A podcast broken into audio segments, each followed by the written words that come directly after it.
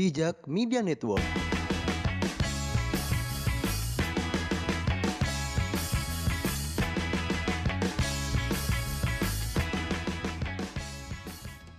Selamat datang kembali di Ruang Hidup. Kali ini kedatangan tamu baru. Kenalan dulu dong, siapa nih? Halo teman-teman, selamat datang di Ruang Hidup. Aku Adif. Adif namanya. Ya. Ya bersama aku Dandi. Kali ini kita bakal ngomongin soal bimbel online ya yang Oh. sekarang lagi apa ya kayak banyak peminatnya. Mm-mm. Jadi bimbel online tuh ya kalau teman-teman tahu sendiri pasti banyak banget dari awal ada yang isinya soal-soal SMP, SMA, bahkan anak-anak kuliah juga kadang-kadang masih ngulik-ngulik kayak gitu. Kamu pernah pakai nggak? Em, pernah sih, tapi jarang karena apa ya? Bayar. Biasa gak punya duit. Berarti kamu bukan pasarnya. Wah iya bener ya. Nah, Eh, yang pernah kamu coba emang apa? aku waktu SMA pernah nyoba Zenius. Hmm. Kayak Zenius doang sih. Soalnya aku pengen coba satu kan. Waktu itu kan em, zaman-zaman pengen SBM tuh. Nah itu em, di sekolah kan nggak dipelajarin. Nah aku tuh pengen cek-cek soalnya kayak teman-temanku pada daftar itu-itu gitu. Jadi aku buka. Habis itu soalnya kan banyak. Nah tapi kalau aku pas aku mau lihat jawabannya ternyata harus subscribe dulu kan, harus bayar. Harus bayar dulu. Waduh.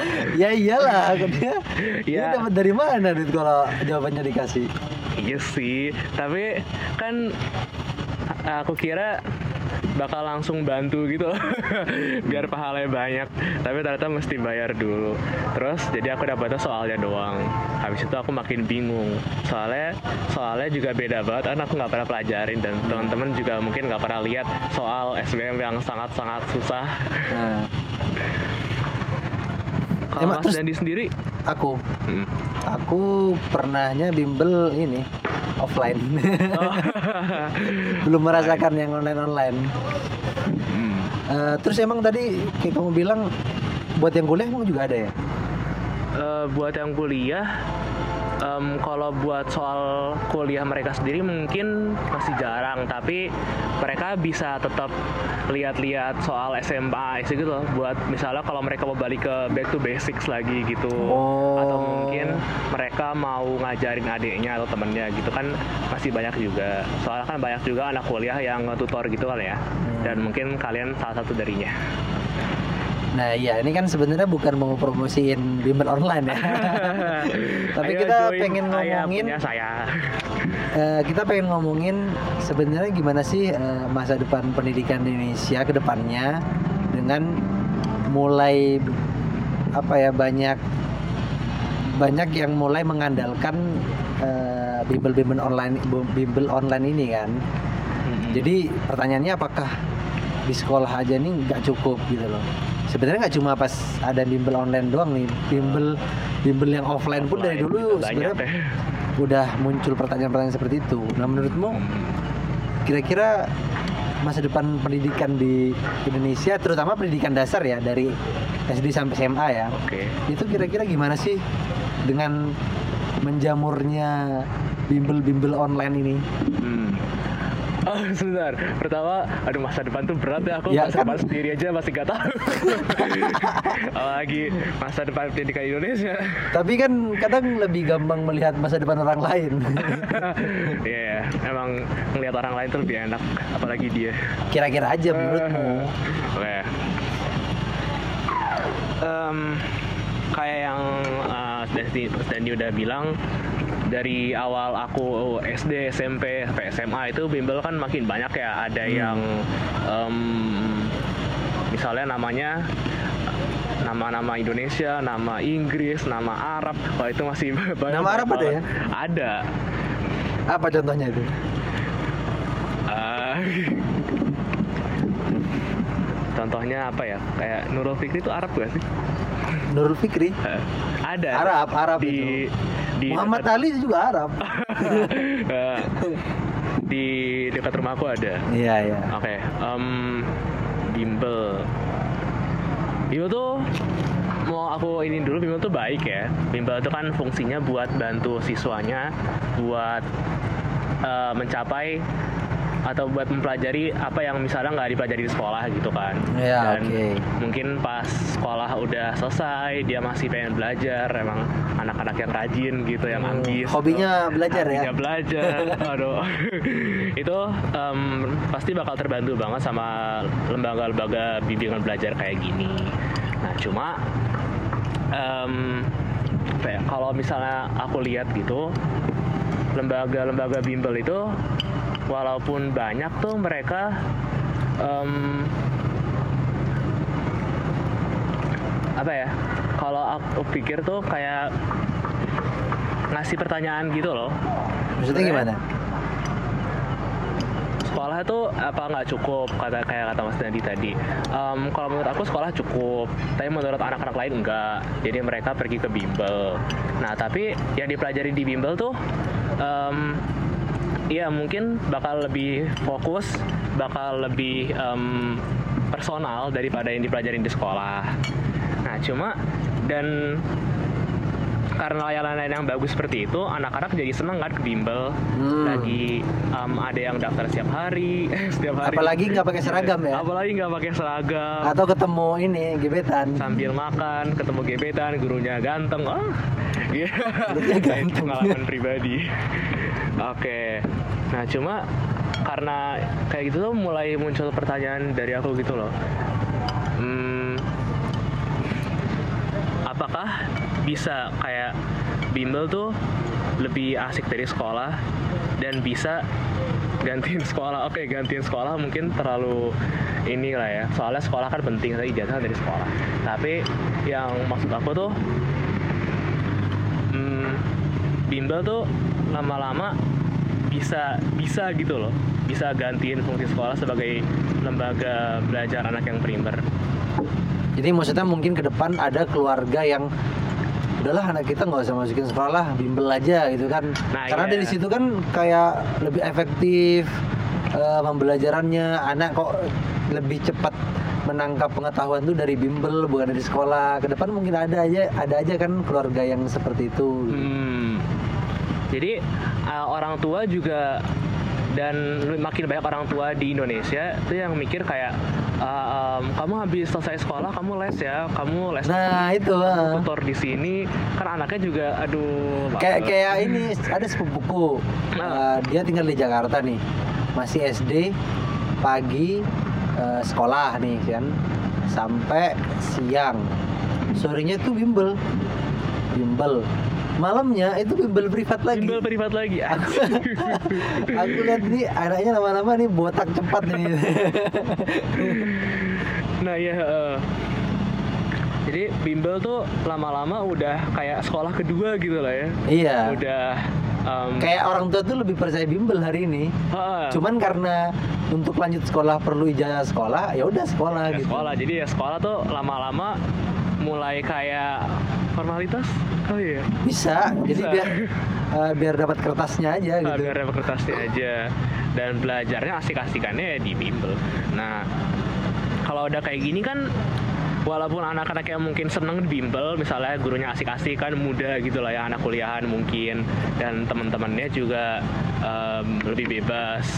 Sama kalau misalnya diterusin kayak gini kan yang pihak sekolahnya juga agak bahaya kan ya soalnya sekolah itu kan apa ya bahayanya gimana bahaya buat sekolahnya bahaya buat sekolahnya dan bahaya buat pendidikan di Indonesia. Karena apa? Karena kenapa kayak gitu? Soalnya sekolah itu kan dasarnya kan hak yang dikasih ke rakyat dari negara kan. ada dasar ya gitu Hak dasar, hak pendidikan, oke?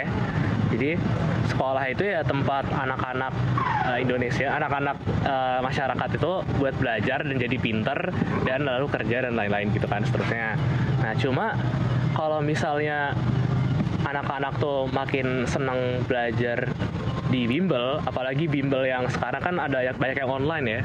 Iya iya. Nah, kayak eh, yang udah kita sebutin sebutin tadi. Belum belum kita belum Oh, sebutin. Aduh. Lupa kayak tadi. Nanti kita Aduh. sebutin. Oke, nanti kita sebutin.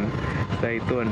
Ah, yang aku bilang tadi, kalau misalnya bimbel misalnya yang offline dan online itu mulai em, menggeser peran sekolah sebagai sarana pendidikan anak gitu kan berarti ada yang salah dong sama sekolahnya Iya tentu karena nggak laku. Oke, iya karena nggak laku dan kalau misalnya anak-anak bisa dapat sesuatu yang lebih dari bimbel daripada mereka belajar di sekolah, kalau kayak gitu kan berarti sekolah tuh kurang ini ya kurang memberikan hak pada hak pendidikan pada anak-anak ya nggak sih? Hmm, tapi kalau dari segi pemerintah eh, memandangnya pasti wah enak dong. Berarti sekarang ada swasta yang sudah memfasilitasi masyarakat anak-anak anak-anak Indonesia ini untuk belajar. Jadi ya malah bagus dong. Misalnya eh, sekolah ini udah nggak laku nih. Ya udah semuanya bimbel deh gitu kan. Kita nggak perlu mengeluarkan anggaran lagi ke sekolah. Apalagi kemarin kayaknya Pak Jokowi sangat ini ya bisa mendukung misalnya seperti perkembangan ruang guru nih Hmm. Memang ini ini eh, suatu yang bagus inovasi pendidikan di digital hari ini Hmm. Nah, balik lagi sebenarnya yang statement tadi, eh, pertanyaanku tadi belum terjawab.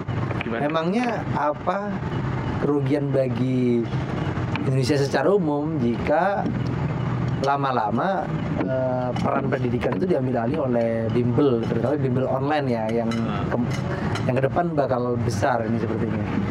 Oke, eh, ya pertama inovasi ya, Em, kemudahan online ya, pemerintah enak ya mungkin karena mereka mungkin bebannya merasa berkurang gitu kan. Hmm, iya. Tapi yang aku bilang tadi pendidikan itu kan harusnya hak yang dikasih sama negara dong. Dan kalau misalnya semua jadi kasih ke bimbel, aka swasta gitu kan, jadinya ya kalau menurut aku sih itu rasanya terkesan lepas tangan gitu. Oh, jadi nyambung ke yang hak tadi ya. Mm-mm. Jadi sebenarnya ini hak setiap warga negara Hmm. yang bisa jadi gratis gitu kan Mhm. karena itu kewajiban dari negara memberikan hak pendidikan Hmm. Dan nanti kalau diambil alih oleh bimbel jadinya Jadi dia bayar. harus bayar ya Jadi bayar. ha-ha. oh gitu Em, kalau dari pengalaman aku tadi, misalnya aku mau ngakses bimbel online, kalau melihat jadwalnya harus bayar nih. Bayarnya juga lumayan. Maksudku, aku kan masih tinggal sama orang tua, masih diantar jemput dan lain-lain. Aduh, kasihan. Bahkan sampai aku dewasa juga paling aku masih kayak gini. ha. Dan aku harus bayar buat subscription ini. Itu kan sebenarnya lumayan juga, apalagi kalau misalnya aku nggak punya penghasilan sendiri. Dan belum lagi soal eh, internet, download, dan uh, hal-hal lain soal koneksi itu kan sebenarnya nggak semua orang bisa. Dan itu bukan cuma online ini baru online. Yang offline belum. Offline itu juga harus ada transportasi terus Iya, bayar iya. kelasnya bayar tutornya. Itu kan butuh uang kan ya? Butuh uang yang seharusnya kebutuhan itu tuh bisa dijawab sama negara gitu loh dengan memberikan pendidikan yang bagus kepada siswa menurutku gitu. Jadi masalahnya bukan inovasi ya inovasi ya Inovasi boleh. bagus, cuman jangan sampai ada hak hak warga negara atau kewajiban negara yang yang jadi terabaikan yang ya. jadi terabaikan iya. Jadi sebenarnya ini hak kita buat dapat pendidikan, kok malah kita suruh eh, membiayai diri sendiri gitu kan, Hmm. dari Hmm. dari pendidikan dasar ya. Ini bukan ngomongin kuliah kan, tapi da- pendidikan dasar pendidikan kan. dasar. Nah ya, kalau yang aku bilang tadi itu kan kalau misal bimbel kan nggak gratis ya, bimbel butuh bayar. Dan kalau pertanyaan Mas Dani tadi, sebenarnya negara rugi apa sih kalau misalnya anak-anak tuh pada rajin bimbel kan bagus, berarti mereka rajin dan Nah, iya, gitu-gitu lebih dong. santai. Emang Iya, kan- kan, benar kalau Eh, misalnya salah satu larisnya bimbel kan itu, jadi kan enak, fleksibel gitu kan. Oke. Langsung to the point menjawab menjawab soal-soal ya kan. Hmm. Apalagi yang mau masuk kuliah gitu kan Hmm. bimbel sangat menolong sebenarnya jadi itu menyelesaikan persoalan sebenarnya bimbel juga itu Oke, menyelesaikan persoalan, iya. Tapi persoalan yang selesaikan itu menurut aku bukan selesai tapi kayak pindah tangan gitu loh. Gimana gimana itu? Gimana itu? Em, teman-teman tahu nggak kalau misalnya em, alokasi dana pendidikan di Indonesia itu berapa persen? 20. 20 20 persen dari rancangan anggaran dana di Indonesia 20 persen itu seperlimanya. Iya, iya. seperlima itu besar dan sekarang seperlima itu di mana Maksudnya di mana? di mana maksudnya em, harusnya seperlima itu kan dimaksimalkan sebaik-baiknya kan Hmm. buat em, misalnya memperbaiki sekolah misalnya meningkatkan em, mutu guru dan memberikan eh, sarana prasarana yang baik kepada murid-murid cuma ya kalau misalnya anak-anak dibiarin buat eh, ikut bimbel dan dis maksudnya diserahin ke bimbelnya gitu Iya, kan, dilepas gitu ya. juga ya Ah. Heeh. jadi, Jadi- ya harusnya negara itu ya emang nggak boleh jadi sebaliknya nggak em, memberikan tanggung jawab pendidikan itu ke bimbelnya aja Jadi sebenarnya oke-oke aja asalkan pemerintah itu tidak lepas tangan gitu ya akhirnya ke depannya gitu ya. Hmm. Jadi sama kayak ini sih. Aku juga pernah bahas masalah transportasi online ya, ojek online Oke. gitu-gitu.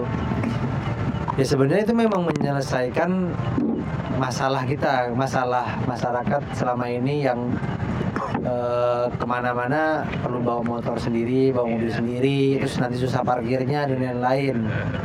Kemudian muncul ojek online yang bisa dipesan dengan mudah, terus tarifnya juga nggak kayak ojek kon- konvensional.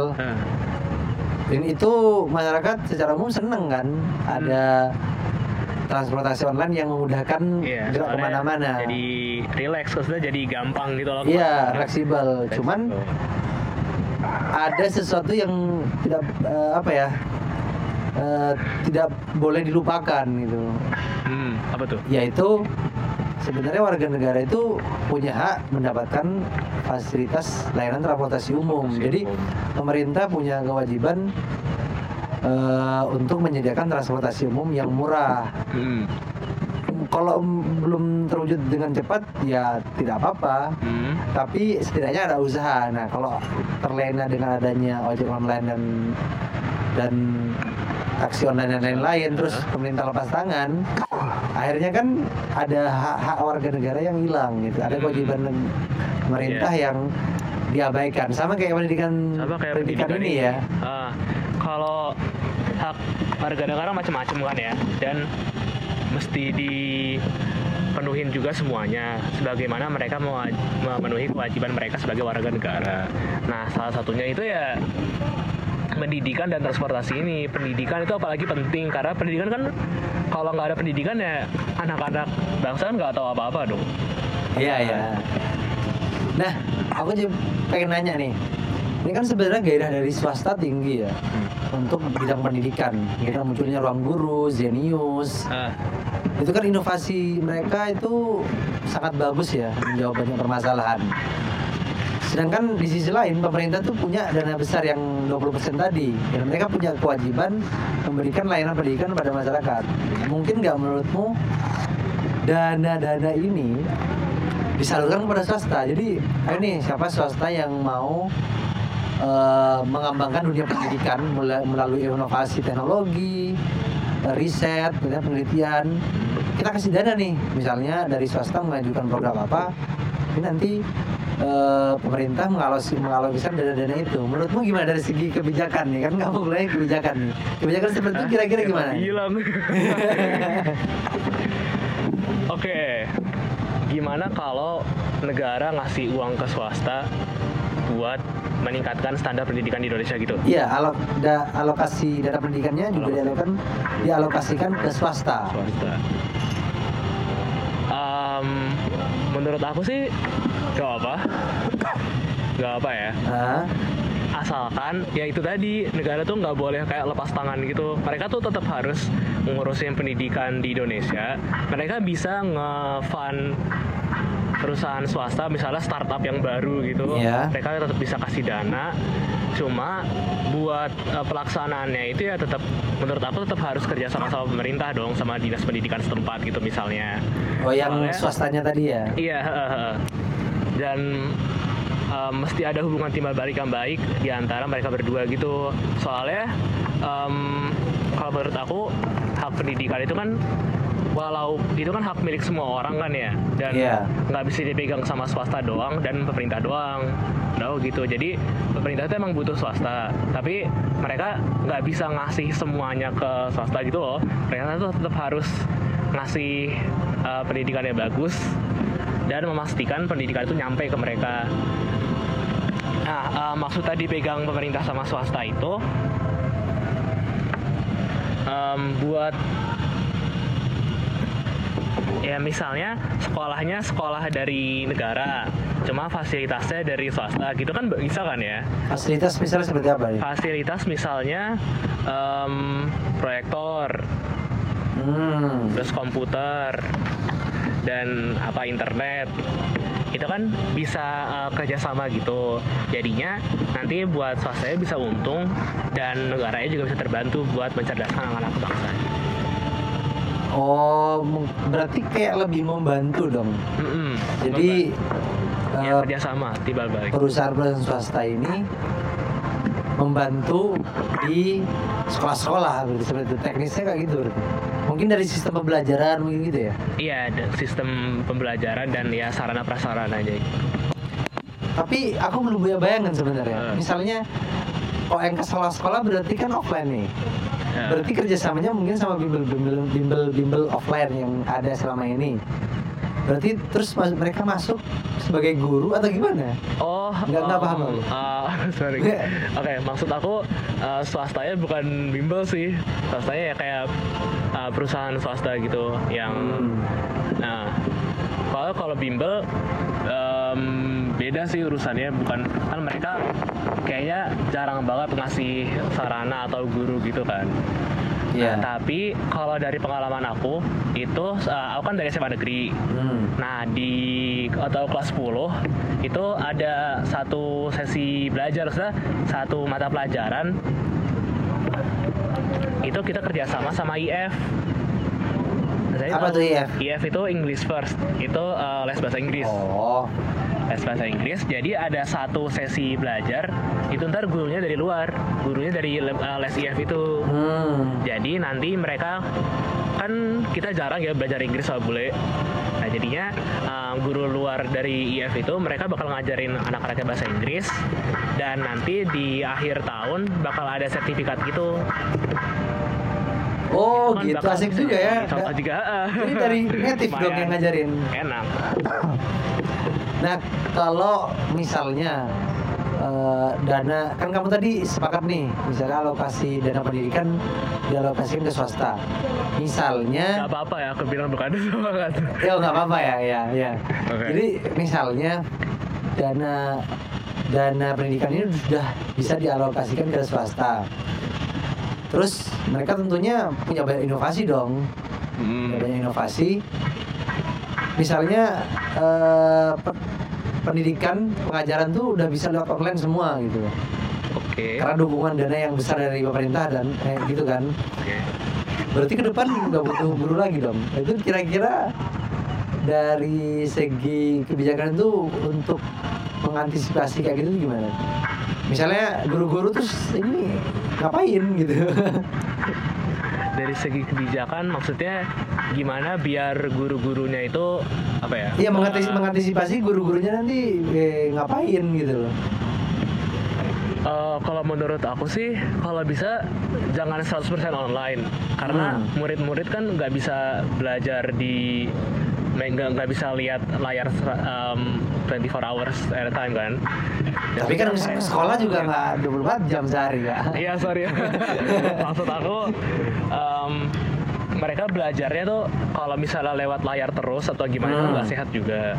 Iya. mereka kan tetap harus bersosialisasi sama temen sama uh, orang dewasa biar mereka juga komunikasinya juga nggak apa ya lebih luas gitu loh lebih kenal sama orang-orang gitu. Jadi menurut aku em, jangan sampai guru-gurunya itu nggak nggak kerja gitu soalnya kan mereka guru kan mereka juga ada pendidikan sendiri dan lain-lain. Dan itu jangan disia-siain gitu kan kita tetap bisa ngasih pelatihan pendidikan ke guru-gurunya kan. Oh, misalnya buat meskipun belajarnya online tapi kan mereka tetap butuh misalnya tempat buat konsultasi terus em, ya misalnya kayak buat ke kerja ke depannya itu kan guru-guru bisa guru orang dewasa gitu kan bisa jelasin kita enaknya gini nggak enaknya kayak gini. Itu kan kalau misalnya tatap muka sama orang kan bisa lebih jelas Jadi menurutmu tetap perlu ada yang offline-nya. ah menurut aku Tapi berarti berkurang drastis dong gurunya ya. ya kemungkinan sih Nah, nah kalau menurutmu eh, kan sekarang mulai banyak menjamur nih eh, pendidikan lewat online dan kayaknya lebih favorit ya, lebih mengasihkan dari pendidikan di sekolah. Tapi di sekolah itu kan sebenarnya nggak cuma eh, ilmu-ilmu kognitif ya yang diberikan oleh siswa, tapi juga karakter terus moral sih ya, aku ngomongin moral. ngomong soal itu kira-kira memungkinkan nggak ya? Di online itu eh, ada pendidikan-pendidikan yang seperti itu pendidikan Pendidik- moral. Iya karakter dan lain-lain kalau menurut aku sih susah. Susah ya? Susah karena uh, unless kalau misalnya ada video call tapi itu juga susah karena video call kan juga butuh internet stabil dan audio stabil dan lain-lain. Ya kan? Ya. mungkin Indonesia ke depan udah stabil Ya, Indonesia ke internetnya. depan sih bener. Tapi yang aku lihat kayaknya butuh berapa tahun lagi nggak tahu kalau internet di Indonesia. Makanya jangan di jangan dibatasi internet di Indonesia bisa lebih cepat loh nah gitu. Maksud gue kalau buat pendidikan moral secara online itu menurut aku susah. Karena pertama em, kalau apa yang murid baca misalnya teks gitu atau audio sama yang mereka lihat tatap muka langsung itu dampaknya beda banget. Kalau misalnya mereka cuma baca atau dengerin sendirian kan gimana ya kayak orangnya nggak bener-bener ada gitu loh. Sedangkan kalau misalnya mereka bisa ketemu sama orang beneran mereka bisa em, menurut aku mereka bisa merasa lebih dimengerti karena orang yang mereka lihat itu jelas kelihatan bisa kelihatan paham gitu loh sama apa yang mereka rasain kalau soal moral dan karakter.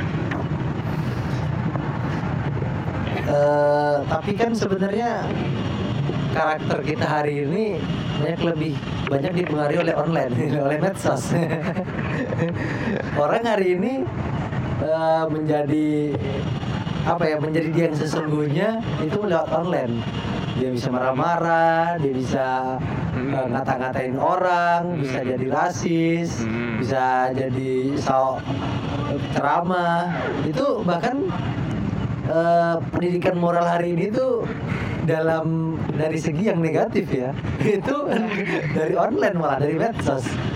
Apakah sebenarnya nggak ada kemungkinan untuk yang baik-baik karakter yang baik-baik itu nggak dari online juga gitu? Ada. Cuma kalau ini kan aku masih ngomongin soal kayak pendidikan formal gitu kan ya. Dan kalau misalnya ke pendidikan moral yang baik melalui medsos itu bisa. Oke bisa. Walaupun aku agak sedikit uh, ragu tapi bisa. Soalnya kan kalau misalnya kita buka medsos kan walaupun banyak konten-konten yang absurd dan nggak jelas gitu kan kita masih bisa nemu orang-orang yang berbagi um, support buat mental health gitu misalnya buat orang-orang yang um, mau menerima kita atau at least bilangnya mau menerima kita gitu. Oke um, dan orang-orang yang bercerita kalau ya kebaikan itu ada di mana-mana dan ada dalam diri kita juga itu tidak ya cuma kalau itu kan aku lihatnya lebih ke informal ya lebih ke em, apa namanya hubungan an- eh, personal antara orang sama orang lain bukan orang sama eh, pihak formal yang aku sebut sekolah. Nah itu sih.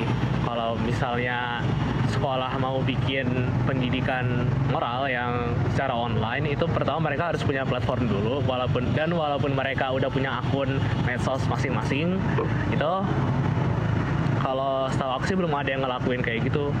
Tapi bisa sih. Oke balik lagi ke awal ya. Hmm. Eh, tentang tanggung jawab pemerintah terhadap pendidikan. Ini kan seperti kita sadari semua, bimbel eh, favorit ya, favorit untuk eh, siswa belajar materi secara cepat gitu kan. Apalagi dengan sekarang adanya bimbel online. Berarti kan asumsi awal ini ada yang salah kan dengan sekolah gitu. Iya. Kenapa bisa eh, siswa merasa nggak cukup eh, belajar di sekolah sehingga perginya ke bimbel. oke Jadi aku pengen nanya sebenarnya, apa sih sebenarnya yang miss gitu loh? Apa sebenarnya yang salah di sekolah? Terus apa sih sebenarnya yang perlu dilakuin pemerintah biar nggak kayak yang kamu bilang tadi kekhawatiran tadi akhirnya eh, siswa-siswa ini lari ke bimbel semua, bimbel online semua bahkan sejak awal akhirnya orang tua pun eh, menganggap udah nggak perlu lagi lah sekolah atau enggak misalnya formalitas aja yang penting punya ijazahnya tapi untuk pendidikan lewat bimbel online aja gitu jadi Oke. apa sih yang perlu dilakuin gitu loh dan yang belum dilakuin oleh pemerintah itu apa? Oke, nah ini aku ada sedikit literasi dari ilmiah harus ini ya. dari Bray sama Likins dari tahun 2012 judulnya Itu orang mana itu? Eh, ada temanku itu Oh. lain deh.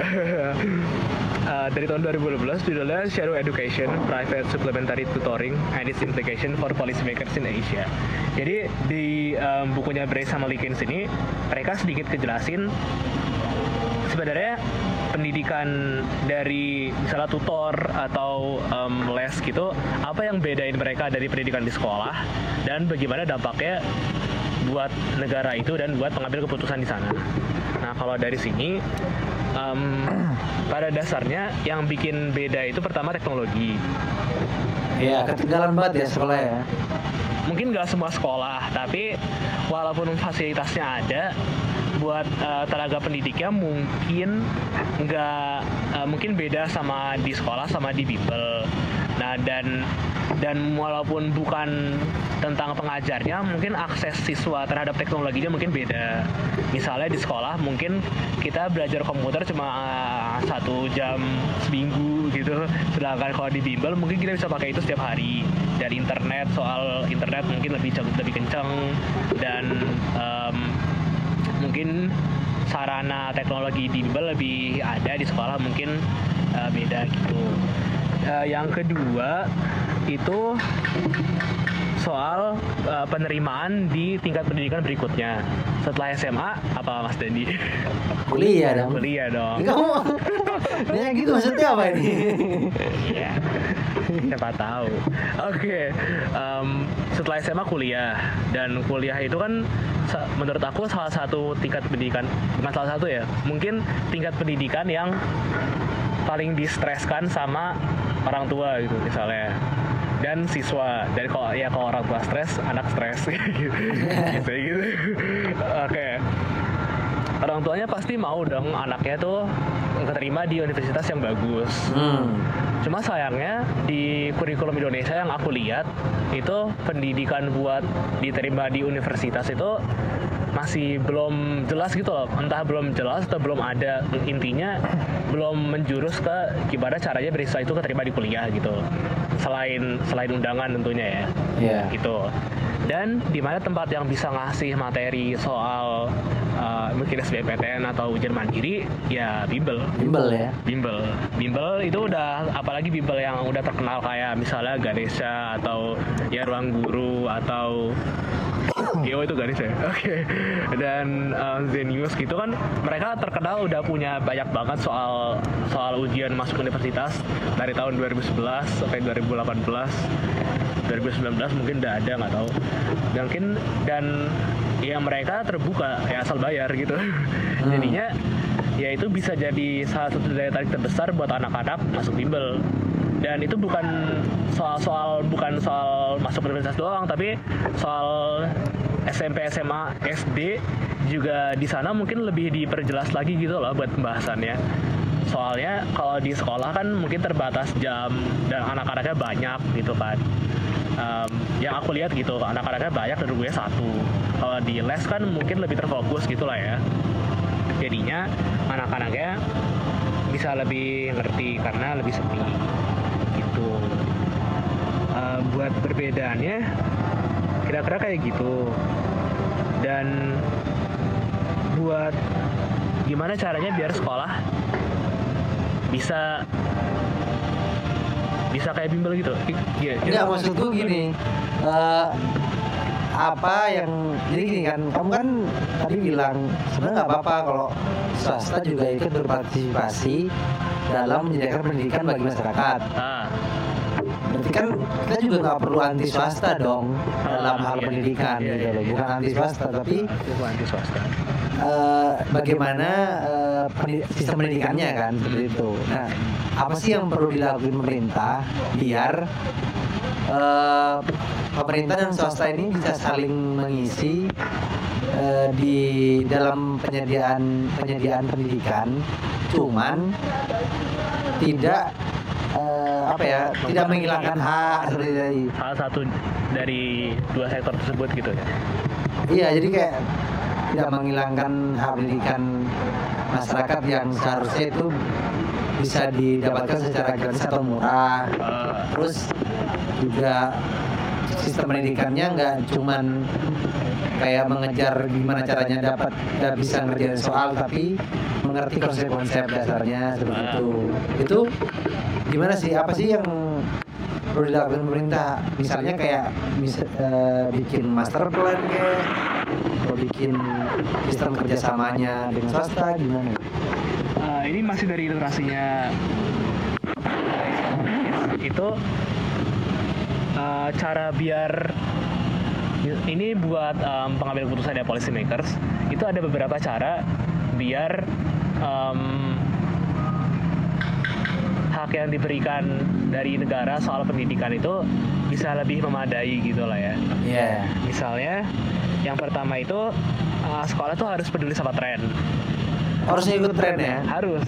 Soalnya kan siswa kan anak-anak kan ikut tren Oke okay, oke. Okay, Jadinya okay. dan yang diajar sama sekolah itu kan anak-anak yang um, moodnya bisa berubah cepat dan style juga bisa berubah cepat. Jadinya sekolah itu juga harus update dan fleksibel terhadap apa yang kira-kira dibutuhkan sama anak-anak yang diajarnya. Nah, jadi yang jadi anak-anak di luar sekolah udah memasuki dunia baru, sedangkan masuk ke sekolah masih zaman-zaman old gitu ya.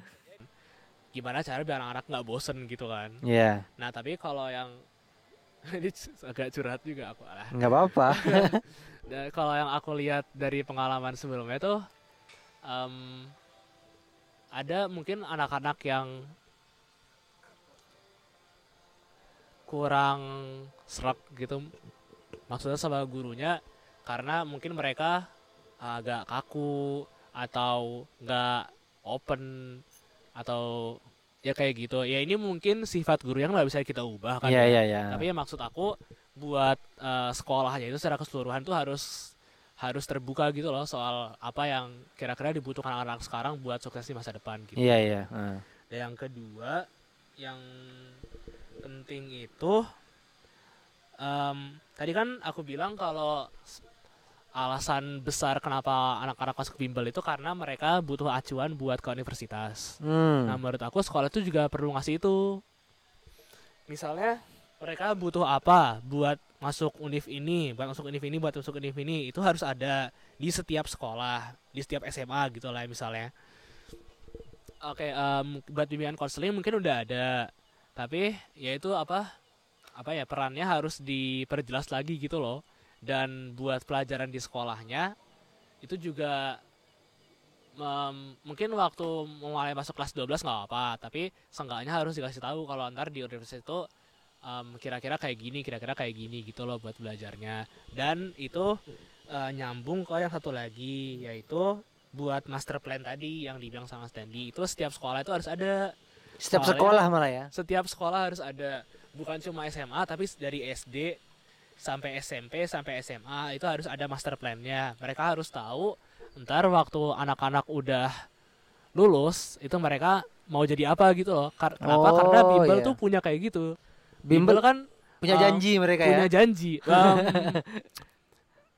selain janji itu mereka kan anak-anaknya kalau yang aku tahu Ah. itu kalau yang offline gitu misalnya mereka tuh ada sesi konsulnya gitu loh setiap anak setiap Oh. anak tuh ditanyain sama em, satu gurunya itu nanti kau kalau udah lulus di sini kamu mau jadi apa minatnya gitu minatnya ya. apa gimana gimana gimana gitu nah kalau kayak gitu kan bimbalnya juga jadi paham kan ya seenggaknya gambaran mereka mau jadi apa waktu udah gede dan pendidikannya tuh disesuaikan ke sana nah Hmm, sekolah-sekolah itu iya, iya. menurut aku harus ada kayak gitu juga dari SD eh, SD kan masih anak-anak ya Iya. Nah, anak-anak itu mereka yang mesti dibina buat jadi anak-anak yang baik, yang em, mentingin kejujuran dan gitu-gitu. Nah, itu bakal lanjut ke SMP, lanjut ke SMA. Di SMA-nya anak-anaknya juga mesti dipahamin mereka ntar gede mau jadi apa gitu loh. Soalnya ya itu salah satu tanggung jawab sekolah juga buat membentuk anak tuh jadi pribadi yang baik itu menurut aku kayak gitu. Itu Oh, oke oke oke. gitu. Dan yang terakhir itu buat em, apa ya? Walaupun aku bilang kayak tadi tuh bimbel jangan apa ya jangan dimusuhin gitu lah ya. Kita kan nggak anti swasta ya. Iya. cuma ya itu jadiin mitra nggak apa-apa kita jadiin acuan gitu loh soalnya Hmm, em, kalau misalnya bimbel dihilangin kan agak repot juga ya iya. Oke. Nah, itu tuh bisa kita jadiin bisa dijadiin sama sekolah itu buat eh, acuan gitu loh dan akhirnya mungkin sekolah-sekolah di Indonesia itu bakal dapat kualitas yang sama, standar yang sama kayak em, apa yang diinginkan sama anak-anak gitu. Oke. Ada lagi nggak? Udah sejam nih. Masa sih? Iya. Eh, oke. Sebenarnya udah banyak banget ya yang kita omongin ya. Eh, Pengen ada lagi nggak yang yang belum kita bahas soal topik ini yang pengen kamu sampaikan? Pesan-pesan terakhir dari kamu nih. em, saya single. ini Oke. apa? Akunnya apa namanya? ya, ntar bisa cek uh, kolom di bawah. Oke, em, oke. Em, yang kita omongin dari awal tadi kan apa ya dampaknya kalau misalnya pendidikan di Indonesia itu mulai diambil alih sama bimbel dan negara itu kayak kesannya lepas tangan gitu. Itu kan ini sebagai penutup mungkin ya. Ini yang aku sebutin tadi kan bahaya ya bahaya dan selain menunjukkan bahwa pemerintah itu lama-lama terkesan lepas tangan itu ya ngurangin peran pemerintah juga loh dalam memenuhi hak masyarakatnya dan kalau misalnya kayak gini terus ntar negara tuh lama-lama kayak jadi apa ya kasarnya tuh kayak kantor Kantor gimana? kantor administrasi gitu. aduh gila.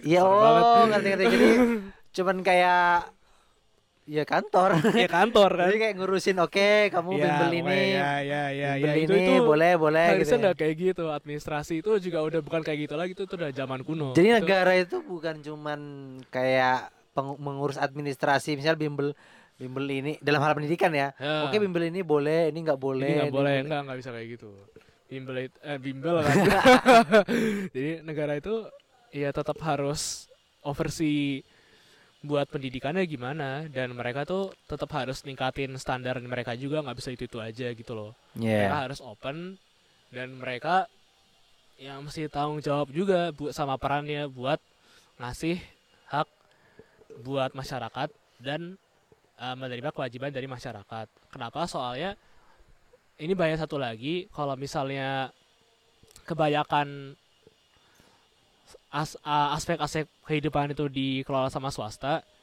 itu menurut aku takutnya nanti bakal ini loh maksudnya hak-hak masyarakat itu semakin gak terpenuhi dan bayar Soalnya yang udah disebutin tadi, bimbel itu kan eh, bayar ya. Iya. Terus em, transportasi online juga bayar. Dan bayarnya kadang-kadang mahal walaupun em, kesannya murah gitu kan, tapi tetap aja bayar. Sedangkan eh, negara itu bisa loh bikin eh, punya potensial buat bikin em, pelayanan-pelayanan di sektor tersebut itu murah gitu loh dan lebih bagus. Jadi kenapa enggak? Soalnya kalau misalnya anak em, masyarakat udah kebiasaan bayar, nanti mereka lupa gitu loh. Mereka lupa sama harusnya yang dikasih sama pemerintah tuh ini. Kenapa aku harus bayar lebih? Kenapa aku harus usaha lebih? Sedangkan seharusnya aku tuh bisa loh dapat kayak gini. Itu tuh masyarakat juga harus sadar hal itu dan negara juga harus sadar hal itu loh. Aku juga harus negara tuh harus em, Sadar punya kewajiban. sadar ya? punya kewajiban ya jadi kedua belah pihak itu mesti tahu juga perannya dan swasta juga bisa bisa membantu masing-masing dari mereka tapi juga em, kerjasama sama pemerintah juga gitu Oke, penu- penutup yang sangat bagus dari Adif. aku single Kesimpulannya ya jangan lupa bahwa ini tamunya single. Silakan Oke. dicari username-nya di apa ya di caption. di caption oke Oke, Terima begitu selamat aja. belajar semuanya. Jadi ini termasuk bimbel online ini. Oke, bisa. sampai jumpa di ruang hidup episode selanjutnya. Stay tune.